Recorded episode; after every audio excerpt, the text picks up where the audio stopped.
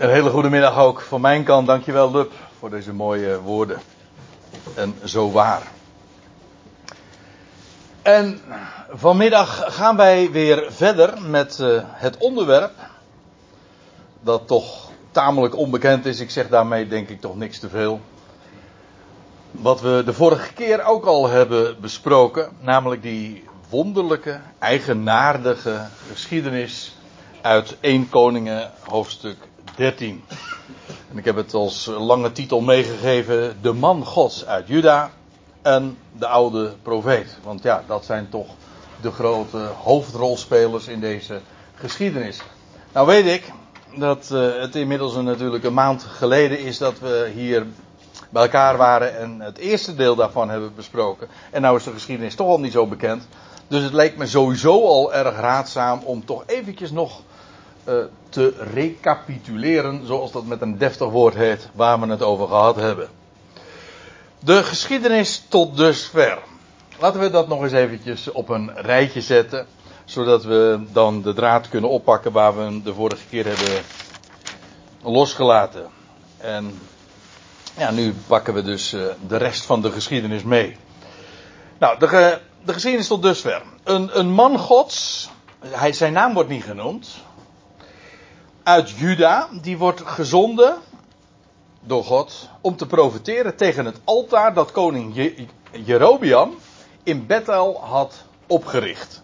En ik heb er eventjes een paar voetnootjes bij gezet die ik dan even kort wil toelichten.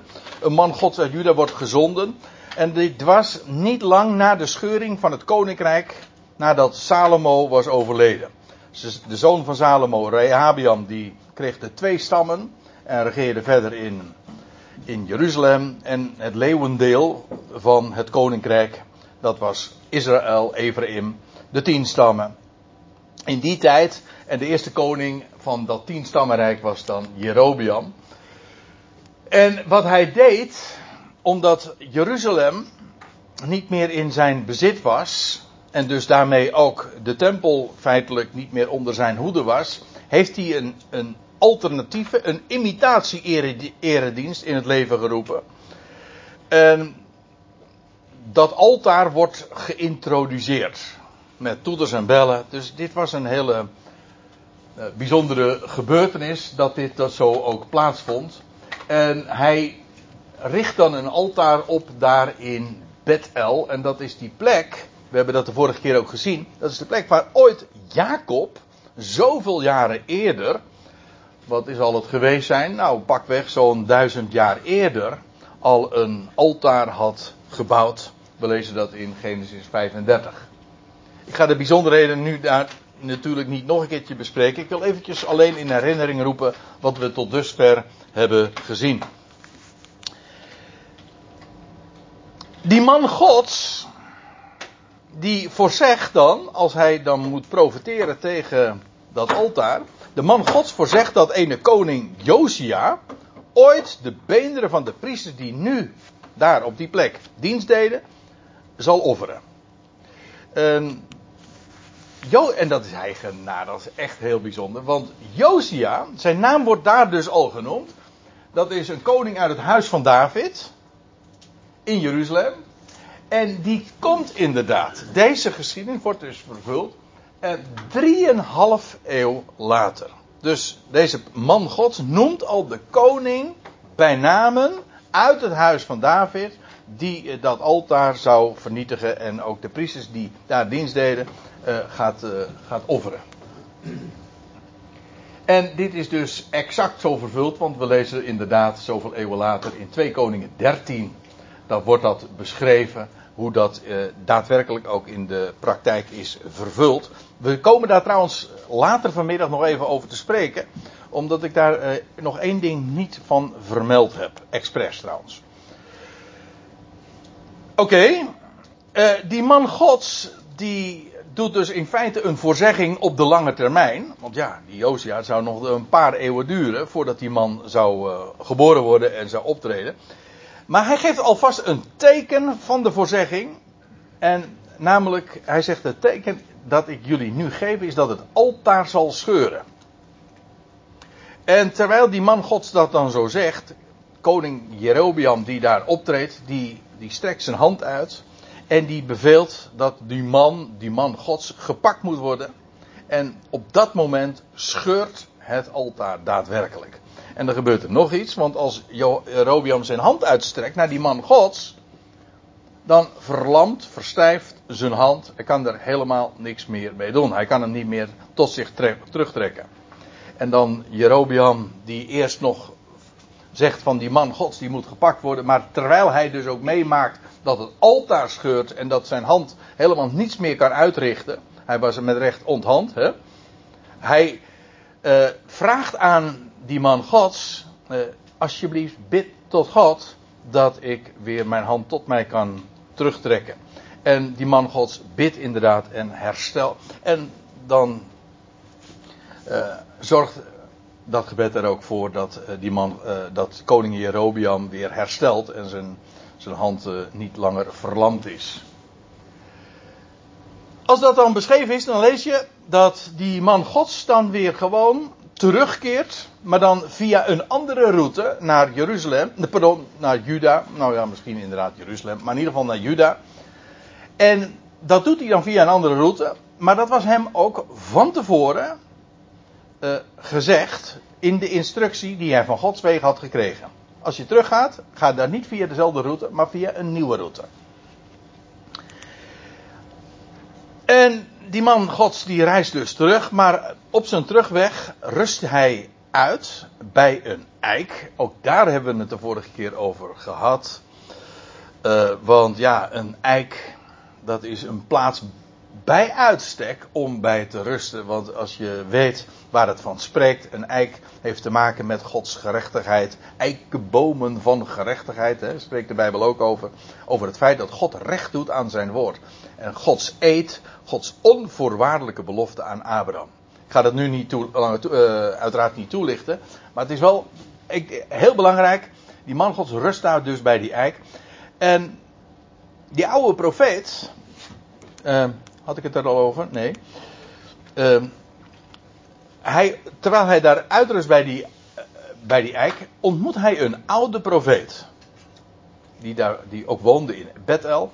En die nodigt hem uit om bij hem thuis te komen eten. Daar in Bethel dus. Nou, zover zijn we gekomen. Een, eh, en die geschiedenis die, gaan we, die gaat zich nu voortzetten. En we pakken daarom de draad op bij vers 14. Dat hebben we de vorige keer nog gelezen. En expres uh, begin ik hier nu, zeg maar, als, uh, als overlap dan uh, te lezen. En dan staat er in vers 14 van 1 Koningen 13. En hij, die oude profeet dus, ging de man gods achterna. Want hij had, het verhaal was namelijk, hij had van zijn zonen gehoord wat er gebeurd was die dag over die profetie van die man gods en over het altaar van dat gescheurd was en Jerobiam die zijn, zijn hand niet kon terugtrekken maar hersteld was. Nou, die dingen, die, die zonen hadden dat meegemaakt en die gaan dan, uh, bij, die komen bij hun vader en dan vertellen ze dat en die oude profeet zegt van wie was dat en, en waar is die heen gegaan? Nou ja, in ieder geval die oude profeet die is uh, die man gods gaan opzoeken. Nou en dan staat er en hij ging de man gods achterna en hij vond hem zittend onder de eik. En hij vroeg hem: Bent u de man Gods die uit Juda is gekomen? En hij zei: Ja, ik ben het. En hij zei tot hem: Ga met mij naar huis en eet brood. Hé, hey, maar dat was exact de vraag die eerder diezelfde dag al was gevraagd door Jerobiam. Want toen Jerobiam hersteld was, toen had hij. Uh, toen was hij zo onder de indruk en toen heeft hij aan de, de man gods die, gezegd van, uh, kom bij me thuis en eet met ons. Dus nu krijg je, krijgt die man gods dus eigenlijk een, een herhaling van de vraag. Maar hij, en dat is dus die, die, die man gods uit Juda, die zei, die geeft als antwoord, ja ik kan niet terugkeren en met u meekomen. En ik zal met u ook geen brood eten, geen water drinken aan deze, aan deze plaats. Dat wil zeggen daar in Bethel. Want, zegt hij, Een woord kwam tot mij en dit was ook al iets, is ook een herhaling. Want toen Jerobiam die vraag stelde van kom bij mij eten. Toen had hij ook al gezegd van nee dat kan ik niet doen want het woord van God is tot mij gekomen. En nou herhaalt hij zijn antwoord wat hij ooit aan Jerobiam, wat hij eerder die dag aan Jerobiam gaf, geeft hij nu aan die oude profeet. Waarvan we trouwens de naam evenmin kennen. Want een woord, zegt hij, kwam tot mij. Eet geen brood, drink geen water, ga niet terug in de weg waarin je gegaan bent. Nou, de instructie is volstrekt helder, die hij van Gods wegen had gekregen. En dat is wat hij dan ook tegen die oude profeet zegt. En daar komt het. En hij, dat is die oude profeet dan weer, die zei tot hem: Ja, maar ook ik ben een profeet. Zoals u. En een boodschapper heeft tot mij gesproken in een woord van Yahweh om te zeggen. En let op wat hier nu eigenlijk gebeurt. Want nou krijg je dus twee dingen. Je hebt de man Gods, die van Gods wegen profiteert. En je hebt een oude profeet, die eveneens claimt Gods woord te spreken. Hé. Hey. En beide dingen matchen niet. En als ik zeg ze matchen niet, dan bedoel ik eigenlijk te zeggen. Uh, ze staan lijnrecht tegenover elkaar. Want, ja, dat is trouwens ook wel opmerkelijk. Want ja, die, die oude profeet die had, had. Dat is het enige wat, wat van die profeet vermeld wordt. Ja, en da, uh, dat hij uit Bethel kwam. Of dat hij daar woonde. En inderdaad dat hij oud was. Dus, en in verband met een profeet zou je kunnen zeggen van dat is een, een voordeel. Want ja, die man die kan niet alleen maar bogen op veel ervaring. Maar ook het feit van, uh, ja, ik ben eigenlijk al, uh, ten opzichte van die man gods, uh, ik ben veel ouder dan jij. Hij was nog wel een oude profeet. Maar hoe dan ook, hij gaat nou iets zeggen wat daarmee in strijd is met wat die man gods te horen had gekregen. Het gevolg is verwarring. Want je hebt en de man gods, die van Gods wegen iets te horen had gekregen, en die oude profeet, die eveneens dat claimt. Twee woorden Gods, maar die niet matchen. Allebei zeggen ze van, ja, de Heer heeft gesproken. Nou, dat is verwarring. Als ik, als ik zeg verwarring, dan bedoel ik dus eigenlijk de dingen worden door elkaar gegooid. En daar is een naam voor, voor iemand die dat doet. En dan zeggen we, dat is de duivel. Maar duivel komt eigenlijk van het woord, van een Latijns woord, nee, van een Grieks woord, diabolos. Dia betekent door elkaar of door. En bolos, we kennen, herkennen daar het woordje bal nog in. Betekent eigenlijk dus het werkwoord werpen. Dus diabolos betekent letterlijk de dooreenwerper. Dat is het, de betekenis van het woord duivel. Nou, wat de diabolos doet, is de dingen door elkaar gooien. En het is heel effectief om dat te doen met de pretentie van het woord van God. Ja, maar God heeft. Let op. Hij zegt, ook ik ben een oude. Een, hij zegt niet, ik ben een oude profeet, maar ik ben een profeet. Ja, het was een oude profeet. Zoals u, net als jij dus. En de boodschapper heeft tot mij gesproken in een woord van Yahweh. Aha. Om te zeggen, doe hem terugkeren met je naar jouw huis. En eet brood en drink water. Daar staat er meteen bij. Dat is wat de verhaal, de geschiedschrijver erbij vermeldt. Hij loog hem dat voor. Dus hij claimde een woord van Jahweh te hebben. Maar het stond haaks daarop. Maar ik moet er wel bij zeggen. Die oude profeet, die ontkent niet het woord van de man God. Hij zegt niet van, jij ligt. Nee, maar hij overroelt het eigenlijk met zijn eigen uitspraak. Hij zegt, dat klopt wel. Hij zegt, hij zegt eigenlijk, ja, oké, dat heeft God tegen jou gezegd. Maar ik heb een update. Uh, ik heb een, een uh, de laatste informatie, er is ook eentje naar mij gekomen. En die heeft dat gezegd. Voel je de frictie? En dat is eigenlijk precies ook wat er gebeurt en waar Lub zojuist in de inleiding al even naar verwees, bijvoorbeeld naar de Galatenbrief, dat Paulus ook zijn woord, of het woord wat hij van Gods wegen had gekregen, wat hij ook moest vertellen, als, ja, als hij een slaaf van Christus is, dan moest hij dat vertellen, dat is geen keuze. Maar uh, dat dat zo haak staat op de menselijke overlevering. En dat waar hij, hij zegt, ik heb het in het jodendom verder gebracht dan vele van mijn tijdgenoten. En ik was een, een ijveraar voor mijn voorvaderlijke overleveringen.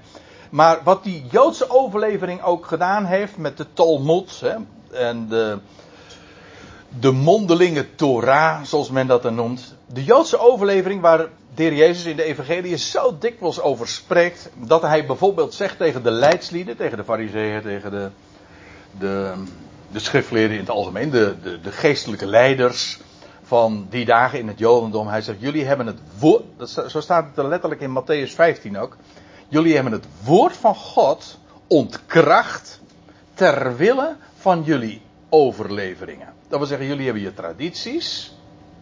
Jullie ontkennen de schrift niet. Zo zeggen jullie dat niet openlijk. Maar in de praktijk wel, omdat jullie zeggen, jullie, jullie plakken dat woord erboven. De, overlevering komt erbij. En als het niet matcht, dan moet in de praktijk het woord wijken. Zo gaat dat dan. Hoi, goedemiddag. En, maar, oké, dit is de Joodse overlevering. Uh, wat dacht u hoe dat in de christenheid is gegaan? Is het in feite exact hetzelfde? Want dan heb je het instituut van de kerk. En daar heb je bijvoorbeeld. Uh, de in de Rooms-Katholieke Kerk is. Uh, dan heb je het instituut, heb je ook de, de paus en het, de, de concilies. En die hebben het gezag, de autoriteit om het woord dan uit te leggen. Nou, en in feite, in de praktijk is dat beslissend. En toen kreeg je de reformatie en die zei van, sola scriptura, alleen de schrift. Maar in no time had je alweer de frase schrift en beleidenis. Dat is nu nog steeds in de protestantse kerken en in de reformatorische kerken, zeg maar de uitdrukking die aangeeft ja, wat voor hen leidend is. Bijbel en beleidenis, de formulieren van enigheid. En als je uh, iets uh, wil doen binnen de, de, kerk, ja, dan moet je dat onderschrijven en ondertekenen. En, en, als je, en als je zegt van ja, maar de schrift zegt iets anders, nou dan is daar het gat van de deur. Zo werkt het. Zo werkt het in de praktijk. Zodat weliswaar men zegt niet van de schrift is niet waar. Nee, men zegt, men erkent dat. Maar men overroelt het. En daarmee ontkracht men het, de schrift. En kan men dus uh, dingen beweren die volstrekt haak staan op de schrift. En dat is wat, wat hier ook gebeurt. Die oude profeet, die beroept zich dus eigenlijk ook van ja, maar ik heb ook woord van God. Ik ben niet zomaar de eerste de beste. Ik ben een oud man. Een ik ben ook een profeet. En God heeft tot mij gesproken. Maar hij loog. Het is niet waar. En hij, dit is zo'n simpele mededeling. Maar dit is de grote ommekeer in dit hoofdstuk. Letterlijk de ommekeer in dit hoofdstuk. Want die man Gods ging naar Juda terug. Hij, ondertussen had hij gerust bij de eik. Perfect, hartstikke goed. Beter kon hij nergens rusten. Maar wat hij nu te horen kreeg, is een invitatie, een uitnodiging van die oude profeet. Die zegt van ja, maar dat is wat God tegen mij gezegd heeft. En wat staat er dan? En hij, dat is dus de man Gods. Hij kreeg een, hij kreeg een oproep, zeg maar, van, van, de, van die oude profeet. En die zegt van ja, maar wacht eventjes, ik heb nog iets anders. Hè. Nee, niet.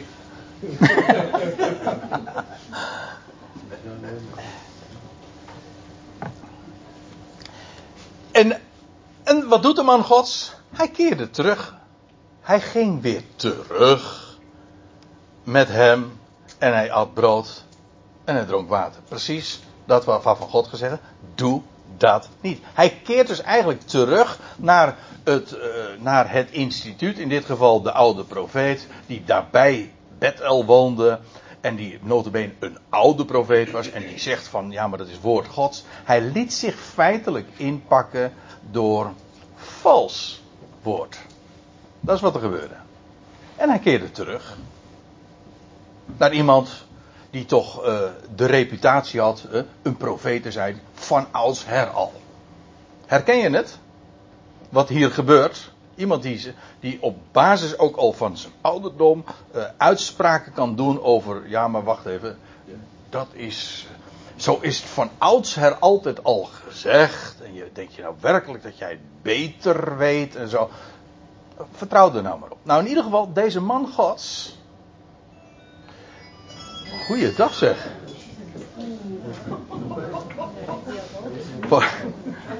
Wat een oproep.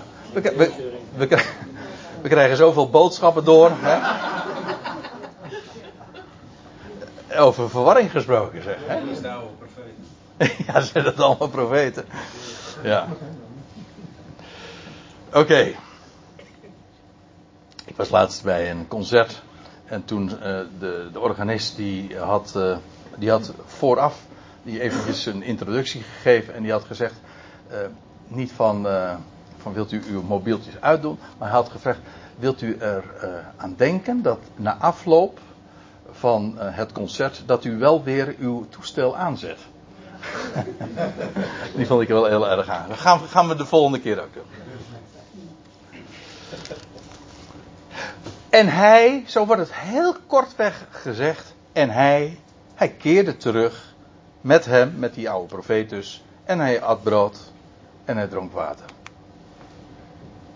En het geschiedde, toen zij aan de tafel zaten, dat het woord van Yahweh kwam tot de profeet die hij had doen terugkeren. Oei. Nou moet ik even iets toelichten, want ik zie mensen meelezen uit een Bijbeltje en dat is heel goed. Maar die zien dat hier iets anders staat dan in de vertalingen. Want, eh, kijk, als hier staat en het geschiedde toen zij aan tafel zaten dat het woord van Jahweh kwam tot de profeet die hij had doen terugkeren. Dat is dat dus de man gods, hè? Ja, maar wat u leest in de Statenvertaling en de MBG-vertaling is, daar staat er hem. Maar dat is precies de omgekeerde, hè? Dus toen kwam het woord tot de profeet die hem had doen terugkeren. En ik weet niet hoe het met uw grammatica is. Trouwens, hoef je, die grammatica hoef je helemaal niet te kennen. Maar iedereen, je voelt meteen toch wel aan dat het een heel groot verschil is. Want in het enige geval, als er hij staat, dan gaat het over de man gods. En als er hem staat, dan gaat het over de oude profeet. Nou moet ik erbij zeggen, eh, vanuit het Hebreeuws zou beide kunnen. Maar, dan wil ik er op nog iets wijzen. Exact dezelfde frase, die hier gebezigd wordt, komen we straks in 13 vers 23 ook weer tegen. De profeet. En dan wordt het oh, vertaald met. Oh. Goh.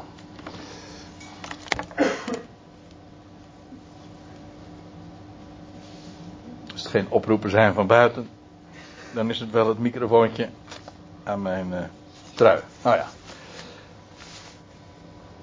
De profeet die hij had doen terugkeren. Dan wordt het wel zo vertaald. Exact dezelfde frase. Maar dan wordt er wel gezegd hij. En trouwens, in dat geval, dan is het ook onmiskenbaar. Dan kan het ook niks anders betekenen. Dus dan, in vers 23 is het onomstreden dat het inderdaad de profeet die hij had doen terugkeren. En ik zeg u, eh, of eh, ik geloof inderdaad dat dat hier ook de gedachte is. Namelijk dat het woord van Yahweh kwam tot de profeet. Die hij had doen terugkeren. Dat wil zeggen, het woord. Dus ze zitten daar aan tafel. En toen kwam het woord van God tot. Ja, tot de profeet. Ja, niet die oude profeet, maar de profeet die hij had doen terugkeren. Namelijk tot de man Gods. En daar heb ik nog een bewijs voor. En dat is dat er in, hoofd, in vers 26, we komen daar dus later op terug, dat er inderdaad staat dat het woord van Yahweh was gesproken tot de man Gods. Daar staat het. Dus dat lijkt me de proef op de som. En het is ook veel logischer dat het woord van God niet kwam tot die oude profeet, maar tot de man Gods. Oké. Ik zeg niet dat het. eh, de, de lezing nou zo totaal anders maakt. Maar om, deze, eh, om het tafereel goed te begrijpen. eh, Is dit toch wel een, eh, een belangrijk verschil. Dus vandaar dat ik er eventjes attent op maak. Dus het geschiedde toen zij aan tafel zaten. Dat het woord van Yahweh kwam tot de profeet die hij had doen. eh, tot de profeet die hij had doen terugkeert. De man gods dus. En hij, maar dan moet dan met een hoofdletter staan.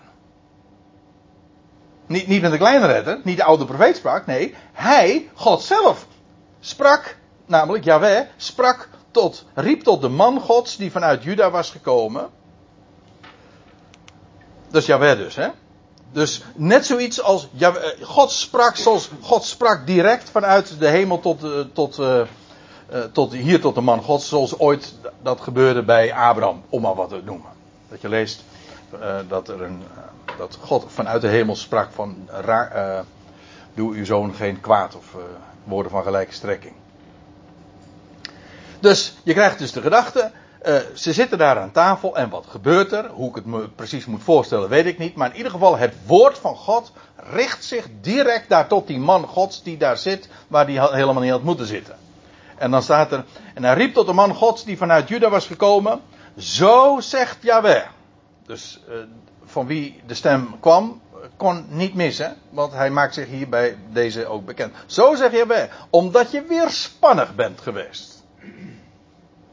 tegen de mond van Yahweh.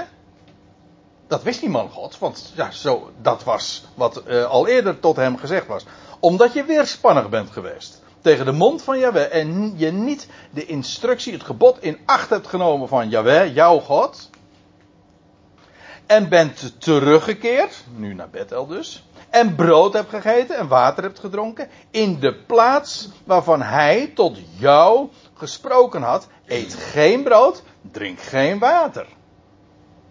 Dus hij deed nou precies dat waarvan God had gezegd: doe dat niet.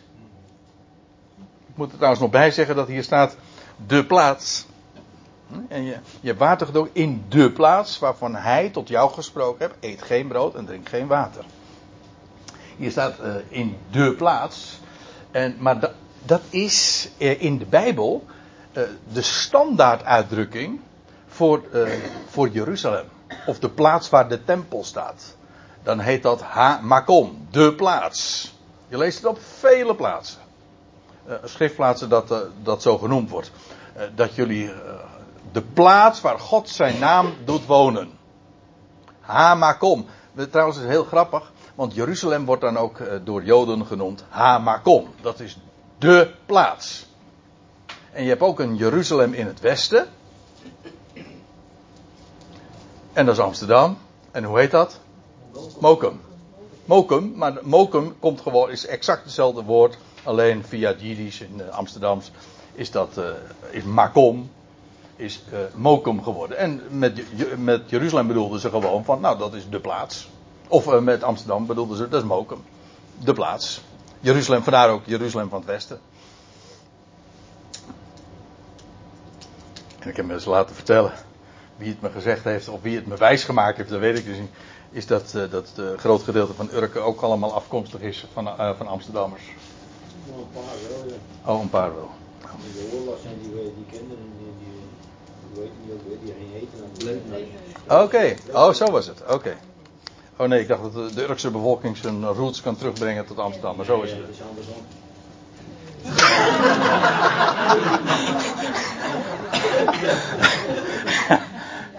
nou, dan begrijp ik ook waarom dat Mokum heet, hè? Ja, ja. ja.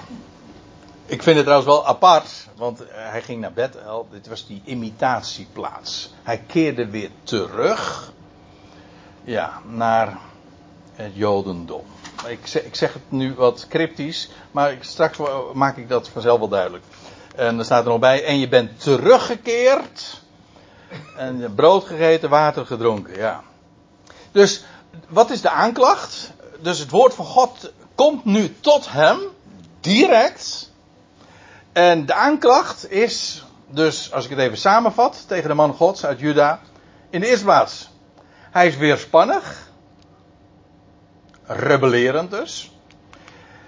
Twee, hij heeft niet het woord in acht genomen. In feite is dat hetzelfde. Want dat was juist zijn weerspannigheid, dat hij het woord niet in acht nam. En hij is teruggekeerd, dat is ook hetzelfde. Want omdat hij het weerspannig was, nam het woord niet in acht. En keurde hij dus terug. En hij heeft gegeten en gedronken op deze onheilige plaats. Want dat is eigenlijk wat Bethel vertegenwoordigde. Je zou daar niet eten en drinken. Je moet daar ver van blijven. Dat is imitatie godsdienst. Misschien inderdaad godsdienstig. Er is een oude profeet, jazeker. Maar je moet er niet wezen. En wat, wat is er mis met uh, eten en drinken daar in Bethel? Nou, dit dus. Daar moet je juist niet wezen. Daar, moet, daar zou je, daar is tegen, je hebt daar geprofiteerd, man gods.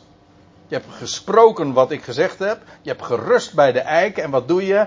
Nou komt er een, een oude profeet en die zegt ook Gods woord gesproken. Maar doordat je daar je oor naar hebt te luisteren gelegd.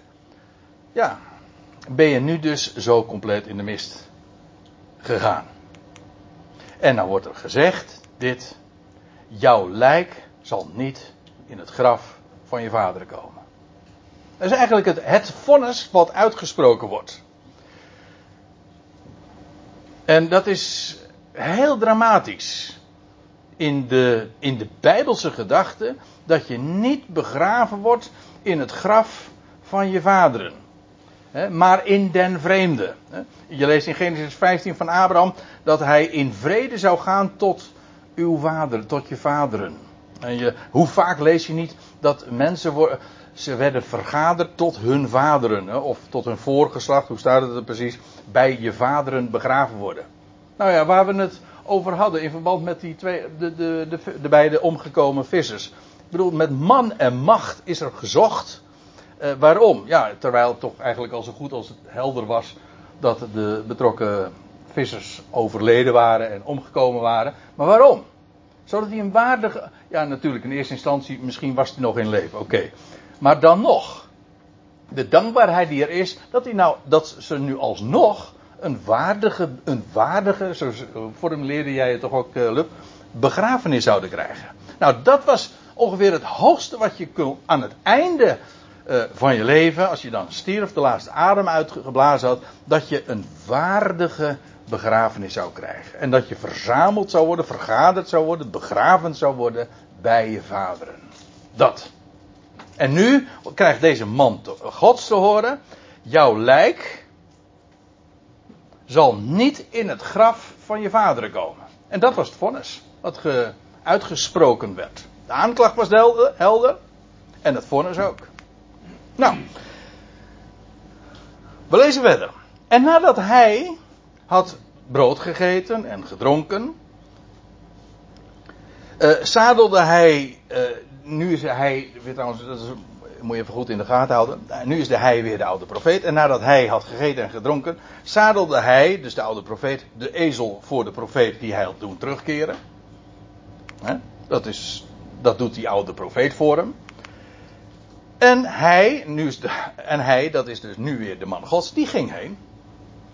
Dat wil zeggen, hij was op weg ooit naar uh, Juda. Hij was weer teruggegaan naar Bethel. Dus nu was ezel weer gezadeld. En hij ging heen. En dan staat er dit. Dat is het drama van de geschiedenis. En een leeuw vond hem in de weg. En deze doodde hem. Dezelfde dag allemaal nog dat dit uh, plaatsvindt. Dus eerder in de dag de, daarbij die, dat altaar. Vervolgens vertrokken. Gerust bij de, de eik. Gegeten. En dan ging hij terug. En leeuw vond hem in de weg. En deze leeuw die doodde hem. Nou, dit is.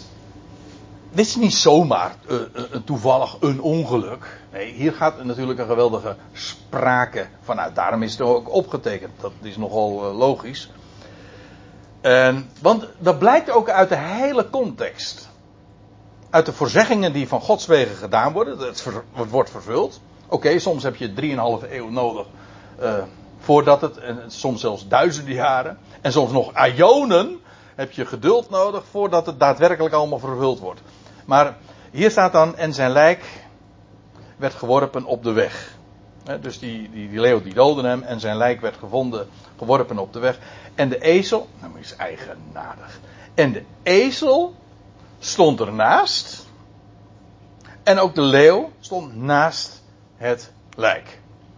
Nou, dat was ook het intro plaatje. Eigenlijk is dit de hele geschiedenis in één plaatje. Ik heb het eh, als titel meegegeven. ik heb later gedacht van ik, heb, uh, ik zou het een andere titel moeten geven. Namelijk uh, het lijk tussen de ezel en de leeuw of zoiets. Maar goed. Uh, maar dat is eigenlijk wat hier plaatsvindt. of in ieder geval, dit is in de, de, de hele geschiedenis samengebald wat hier nu wordt beschreven. De ezel stond ernaast en ook de leeuw stond naast het lijk. En nu wil ik graag, eindelijk dan toch eens, wat vertellen over wat hier achter is. De typologie. Tot dusver heb ik wel wat dingen verteld over de eik, om maar wat te noemen. En over die oude profeet misschien. En meer dingen, het altaar. Maar nu even de geschiedenis al zodanig. Wat hier beschreven wordt. De man gods uit Juda. Uit Juda. Joods. Deze man is een uitbeelding van het Joodse volk, waaraan de woorden Gods waren toevertrouwd. Maar wat gebeurt er? Aan de man Gods, uh, die werd ongehoorzaam. En dat is ook met het Joodse volk. Aan hen zijn de woorden Gods toevertrouwd. Wat is het voorrecht van de Jood, zegt Paulus? Of vraagt Paulus, en dan zegt hij in Romeinen 3, nou velelei. Geval, in de eerste plaats toch dit, dat hunner de woorden Gods zijn toevertrouwd. Ja, waarom? Niet om het te bewaren, maar ook om het uit te spreken. Ja, dat is uh, wat wij hier hebben, dat zijn de woorden Gods die aan hen zijn toevertrouwd. Via hen is het woord ook tot de natieën gekomen. Hoe dan ook.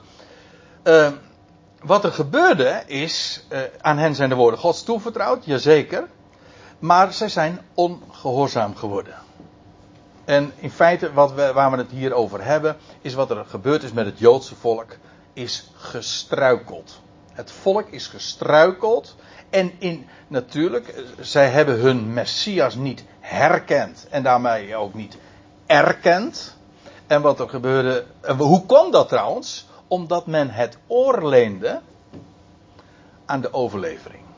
Waarom heeft het volk waartoe de Jezus Christus verzonden was, hem gekruisigd? Omdat hij niet matchte, omdat hij niet was in te passen in hun denkwereld, in het oude, in, het, uh, in dat wat oud en vertrouwd was. Dat was het probleem. En het resultaat was dat ze zich van de Messias hebben afgemaakt. Ze hebben, ja, ze hebben hem afgemaakt. Ze hebben hem gekruisigd. Dat de reden was omdat men luisterde naar woord dat vals was. Oké, ik, ik zet even op een rijtje waar, de, waar uh, de, de, de attributen die in dat ene plaatje zeg maar uh, beschreven worden een beeld van zijn. Je hebt dus de man gods die daar ligt. De man gods uit Juda. Je hebt de ezel. Ja, de ezel in combinatie met de leeuw lijkt me niet zo moeilijk in dit geval. De ezel symboliseert de eerste komst van Christus. Die kwam in vernedering. Eigenlijk is een ezel ook. Uh, ik heb ooit de term eens uh, gehoord en ik vond hem wel erg sterk. Eigenlijk is een ezel een vernederd paard. Een paard in nederigheid. Dus je leest ook van, in Zacharia van zie uw koning komt tot u. Uh, nederig, rijdend op een ezel. Zo kwam hij ook tot het volk. Huilend trouwens. Lees het maar na in Lucas 19. Maar in ieder geval de ezel, ja dat is inderdaad een uitbeelding van van, uh, van Christus komst in vernedering. Zoals hij trouwens in zijn terugkeer komt hij niet op een ezel, maar op een wit paard. Ja, het is nou net bij, uh, bijna 5 december. En dan zeg van wat heeft dat ermee te maken? Maar. Uh, nou ja. Nou ja, dat soort associaties. Maar je leest inderdaad een wit paard. Want dan komt hij in glorie. Toen hij op die ezel kwam, was het in nederigheid. En was, kwam hij trouwens ook feitelijk, uw koning komt tot u in nederigheid, shovel, een sjovele koning, trouwens ook een Hebreeuws woord. En hij kwam en hij werd vernederd. Eh, in, hij kwam in nederigheid en hij kwam inderdaad om diezelfde week ook uh, te sterven. Uh, nou goed, daarmee heb ik feitelijk ook meteen wat verteld over die leeuw. Want ja, aan de ene kant heb je daar dus de ezel. En aan de andere kant heb je de leeuw. Maar in beide gevallen representeren ze de komst van de Messias. De ene in nederigheid, in vernedering. En de andere juist in heerlijkheid. Maar dan heet hij ook de leeuw van Juda. Ik moet er meteen aan denken wat je leest in Openbaring 5. Dat Johannes dan ziet een lammetje als geslacht. Staande als geslacht. Dat wil zeggen dat lammetje was geslacht. En dat ligt normaal gesproken. Maar hij zag een lammetje dat stond als geslacht. Dat betekent maar één ding. En dat is dat het lammetje dat geslacht was. Was opgestaan. Hij was verrezen. En, wat, en dan staat er van, zie het, lam, het lammetje. En wat hij dan ziet is, en ik keek en ik zag de leeuw. De leeuw uit de stam van Juda. Ja, maar zeker, want aan Juda was de scepter toevertrouwd. Dat was al uh, ooit tegen Jacob gezegd. Of door Jacob ook gezegd. Gek eigenlijk. Hè? Wonder. Die leeuw van Juda. Daarom is die leeuw bij die profeet ook niet gedood. Want de leeuw van Juda moest op die ezel ja, ook dat nog. Ja, ja, ja, ja, ja. ja. De, maar hou me even vast. In ieder geval, dus je hebt de ezel. En je hebt de, en, en je hebt de, de leeuw. De leeuw, uiteraard, eh, als uitbeelding, zeker in deze combinatie. De ezel en de leeuw. En de, de leeuw is sowieso al een beeld van koningschap. Want het is de koning der dieren, nietwaar? En, en Juda is ook, uh, spreekt ook van koningschap. De leeuw uit de stam van Juda. En degene die is opgestaan uit de doden, maar die straks ook komt in heerlijkheid. Nou, en, maar oké. Aan de ene kant dus de ezel, aan de andere kant uh, de leeuw. En wat daartussen ligt, ja, is die man gods, maar inmiddels een lijk.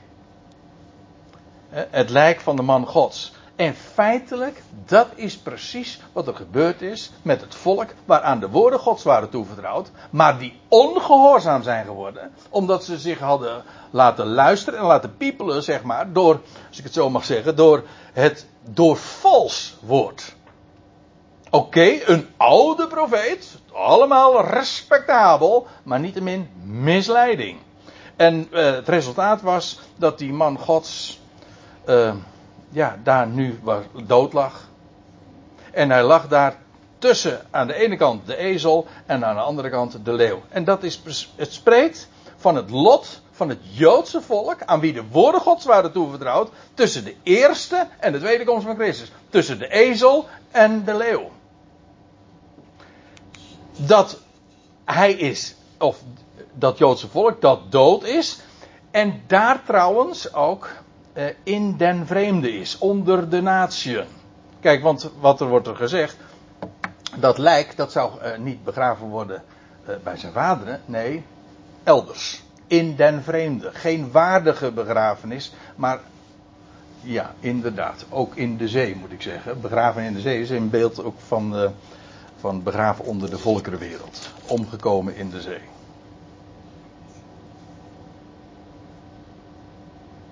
Ja, nou ja, ik wou het nog hebben over de schipbreuk van Paulus, maar dat, dat laten we er maar eventjes buiten. In ieder geval, uh, dat, dus je hebt dus het lijk van de man Gods, als uitbeelding van het Joodse volk, dat ongehoorzaam is geworden. Terwijl aan hen de woorden Gods waren toevertrouwd. En die, wat, waar zijn zij nu? Wat is hun lot? Eh, hoe, wat is er gebeurd sinds zij ongehoorzaam geworden zijn? Wel, tussen de eerste en de tweede komst, tussen de ezel en de leeuw, liggen ze daar dood.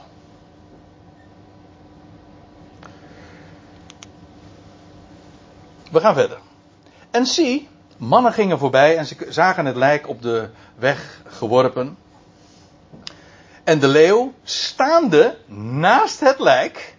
En ze kwamen en vertelden het in de stad waarin de oude profeet woonde. Want dit is natuurlijk wel heel bijzonder wat er gebeurt. Want die leeuw waakt over het lijk. Want er gebeurt niks met het lijk. Hij eet niet op. Nee, hij waakt over het lijk. Maar dat is precies ook wat we weten. uh, van de leeuw van Juda, toch? Die daar staat. De leeuw staande. Hè? Hij waakt over, het, uh, over, het, over dat lijk. Ja. Het is, mag dan dood zijn. Ja. Maar wacht even. Er wordt over gewaakt. De leeuw staat ernaast. Nou, en dat is een, uh, een heel bijzonder tafereel natuurlijk. En, en, en, mannen gingen voorbij en die komen dan in de stad, in Bethel, waarin de oude profeet woonde dus. En dan staat er toen de profeet die hem van de weg had doen terugkeren het hoorde, zeide, dat is de man gods. Die weerspannig was tegen de mond van Jahweh. Hij wist het dus wel. Jahweh heeft, heeft hem gegeven aan de leeuw. En deze heeft hem gebroken en gedood.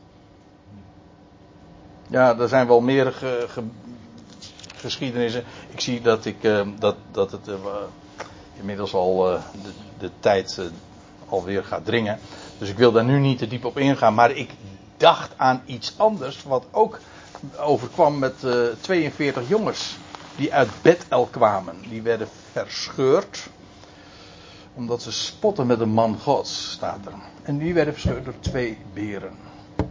Ja. Ja, dat is een heel, heel bijzonder verhaal. Ook buitengewoon profetisch, want ik zal u vertellen dat die 42 jongens, in ieder geval ook verwijst naar de 42 maanden, waarin het Joodse volk ook zal uh, vertrapt worden in de grote verdrukking. Uh, ik, ik uh, herinner er alleen eventjes aan, omdat hier staat van Jaweh heeft hem gegeven aan de leeuw, zoals je elders leest dat er gebeurt wat er gebeurt met aan twee leeuwen. Trouwens, God zet wel meer dieren in om de mens iets, een lesje te leren. Dat kan trouwens ook een ezel zijn. Ja. Naar het. Uh, Oké, okay, heeft hem gegeven aan de leeuw. Dat is wat die oude profeet dan zegt. Oh, wacht even, maar dat is. Dat is, dat is de, de man Gods. Jabé heeft hem gegeven aan de leeuw en deze heeft hem, en deze heeft hem gebroken en gedood. Naar het woord van Jabé dat hij, dat hij tot hem gesproken had. hey, Weet u nog waar ik het eventjes eerder over had, over dat bewijs? Dat woord dat gekomen was, dat is gesproken tot hem. Dat dus tot, tot de man gods. Uit Juda. Ik vind dit wel het meest overtuigende bewijs dat het inderdaad zo gegaan is. En dan, en hij sprak tot zijn zonen, die oude profeet sprak tot zijn zonen, zadel voor mij de ezel. Soms doet hij het zelf. En nu laat hij het doen. En ze zadelden die. En hij ging heen. En hij vond zijn lijk neergeworpen, oh, neergeworpen op de weg. En de ezel. En de ezel en de leeuw stonden naast het lijk. Als, als twee monumenten eigenlijk. Een bijzondere geschiedenis. Ja, ik zou een heel verhaal over mijn beide zonen kunnen gaan houden die Boas en Jagin heten, maar dat zijn ook twee monumenten. Twee pilaren in de tempel. De linkerzuil heette Boas en de andere was Jagin. Maar ik zal u vertellen, Boas spreekt van de eerste komst van Christus en Jagin spreekt van de tweede komst van Christus. Links en rechts. Vernedering, verhoging. Maar ook dat laat ik nu maar even uh, uh, rusten. In ieder geval hier, uh, wat ik eigenlijk wil zeggen is de, de ezel en de leeuw die daar zo staan, die staan eigenlijk. Uh, de, ze, beelden dezelfde gedachte uit als die twee zuilen uh, in de tempel. En als dan de, priester, als de priester dan inging in het heiligdom, dan passeerde die, uh, ja, de, dan passeerde die Boas en als hij dan weer uitging, dan kwam hij zo ook weer langs. Ja, ging. Ja, om zijn koninkrijk te vestigen. U zegt, je haalt nu wel heel veel uh, door elkaar. Dan zeg ik, uh, of in ieder geval, ja, nou door elkaar, je haalt een heleboel aan. Ja, oké, maar dat doe ik om juist de linken te leggen. Zodat je de samenhang ziet van, van al die geschiedenis. Hoe de hele schrift één verwevenheid is. Afijn. Uh, hij ging heen, vond zijn lijk neergeworpen op weg. En de ezel en de leeuw stonden naast het lijk. En de leeuw had het lijk. Het wordt hier ook nog bij gezegd. De leeuw had het lijk niet gegeten. En ook niet de ezel gebroken. Nee, want die twee waren juist de twee monumenten waartussen de man gods lag. Dat was nu juist het plaatje. Dat was wat er getoond werd. En dat was al eerder opgemerkt door de mannen die daar langs gelopen waren. En nu ziet de oude profeet dat zelf ook. En de, en de profeet die nam het lijk van de man gods. Uh, nam het lijk van de man gods op. En liet het rusten op de ezel en hij bracht het terug. En de oude profeet kwam tot de stad, Bethel, om te rouwklagen en hem te begraven. Want ja, dat was toch wel allemaal heel indrukwekkend. Eigenaardig, wonderlijk zoals we dit nu lezen. Uh, dan staat er nog bij, en hij legde het lijk, het is ook wonderlijk, en hij legde het lijk in zijn graf. En men, men rouwklaagde over hem, over die, over man gods, wat er gebeurd was. En men rouwklaagde, ach, mijn broeder. En nadat hij hem begraven had, zei hij tot zijn zonen: Als ik sterf. Hij was een oude man. Begraaf mij dan in het graf waarin de man Gods begraven is.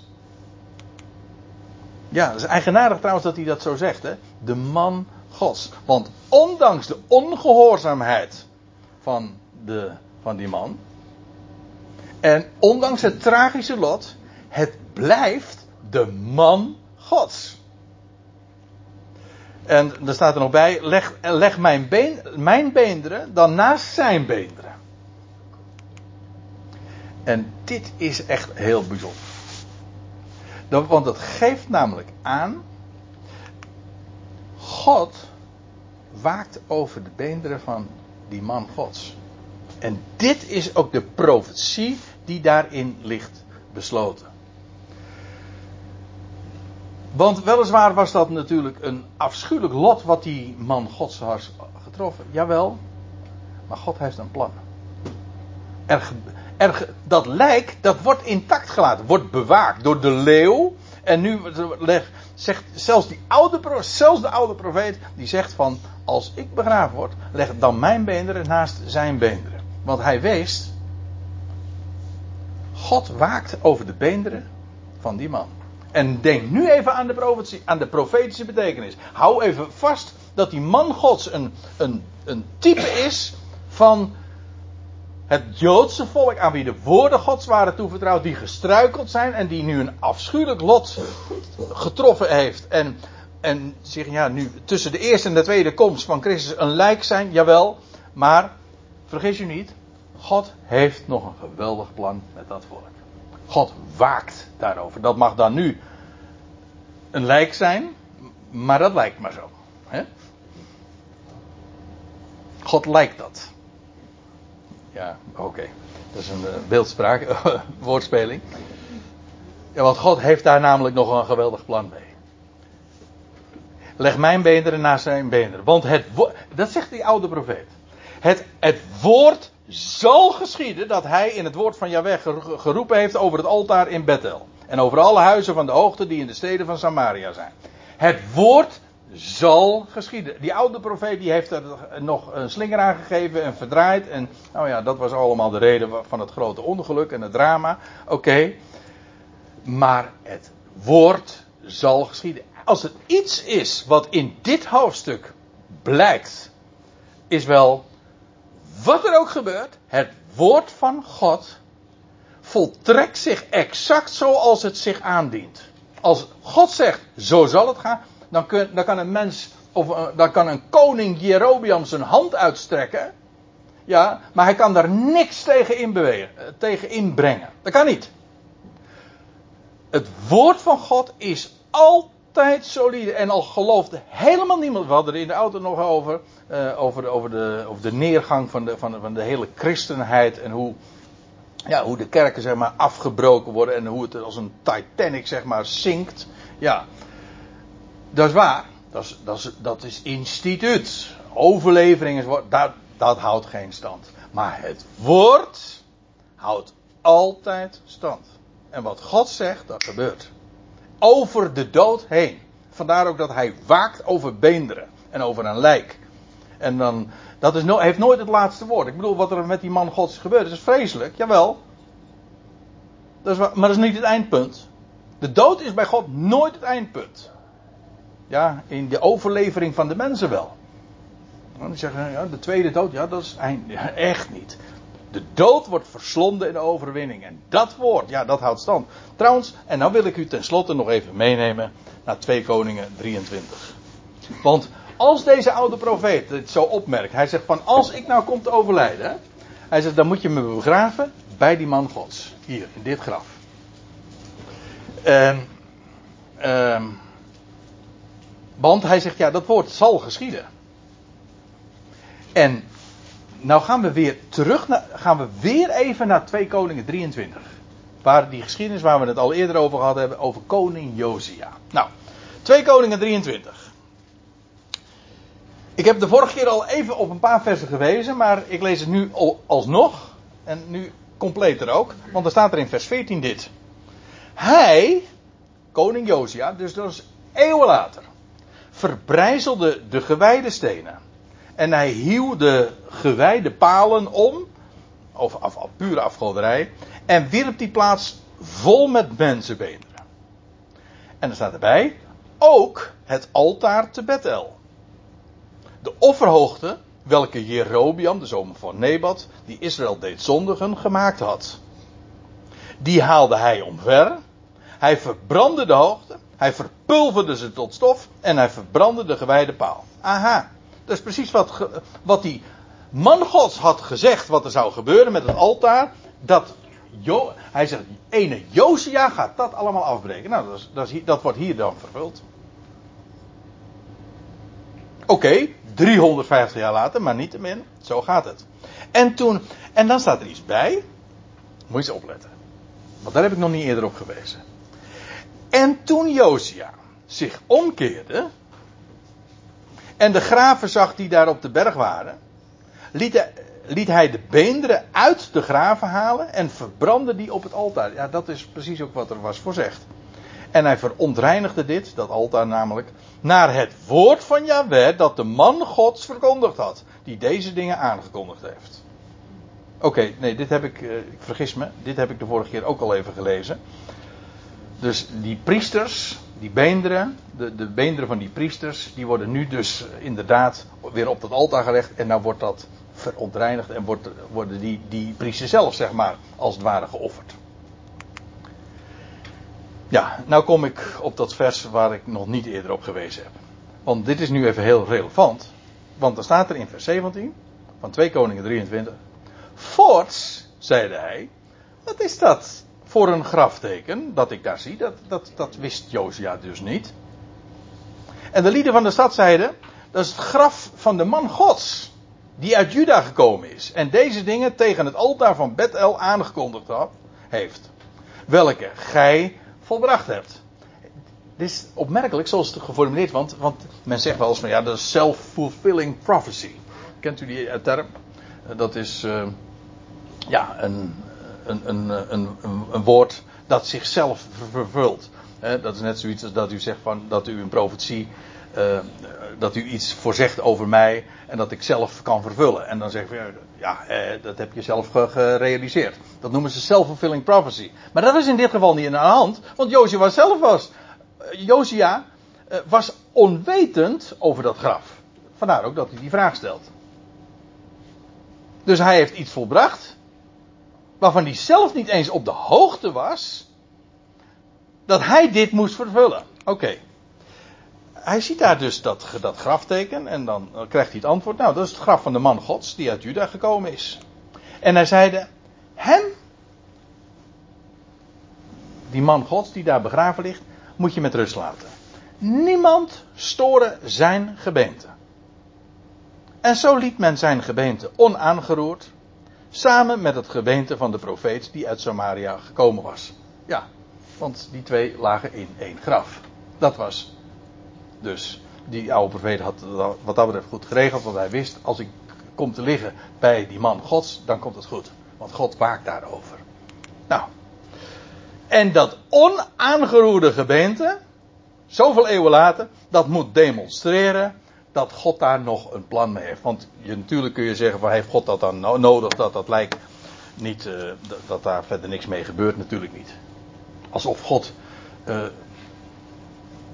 Alsof God daar geen weg mee weet. Ik bedoel, dat, mensen, dat is net, zoiets dat mensen uh, zich laten cremeren en dan laten ze het as vervolgens uitstrooien over de zee of weet ik veel wat. Uh, met de gedachte van, ja, nou ja, goed, uh, als er dan opstanding is, dan weet God in ieder geval mij niet meer te vinden. Dat is natuurlijk volstrekt kul. Want uh, God doet de doden herrijzen. Neemt niet weg dat begraven een geweldig getuigenis in zich heeft. Namelijk, we vertrouwen het toe aan de aarde als een boer die een zaadje plant in de verwachting. Nieuw leven komt daaruit voort. Dus het is een daad van vertrouwen. Zoals crematie in het algemeen een daad juist is van ongeloof. Zo van. over mijn lijk, hè? Dan. de Bijbelse gedachte is: God heeft een plan. In dit geval hier ook die man Gods. Ja, dat, is, dat mag dan een lijk zijn. Zoals Israël nu ook een lijk. Als Israël is ook dood, zo wordt het beschreven. In ongeloof. Denk aan uh, dat dal van de dorre doodsbeenderen. Of denk aan Hosea. En, maar wat wordt er gezegd over, over Israël? God doet het volk weer oprichten. Hij, sterker nog, er staat zelfs bij wanneer hij dat doet, namelijk op de derde dag. Na twee dagen zal ik hen doen opstaan uit de doden. God heeft een plan met het lijk. Hij waakt daarover. Die leeuw waakt daarover. De leeuw van Juda waakt over, die over dat lijk van de man Gods. Waarom? Omdat hij weer in zijn positie hersteld gaat worden. En zo, en dat is eigenlijk de clue van wat ik eh, in deze twee middagen heb willen vertellen. Zo'n wonderlijke, eigenaardige geschiedenis waarvan je zegt: wat is dat nou toch weer zeg? De meeste mensen kennen het ook niet.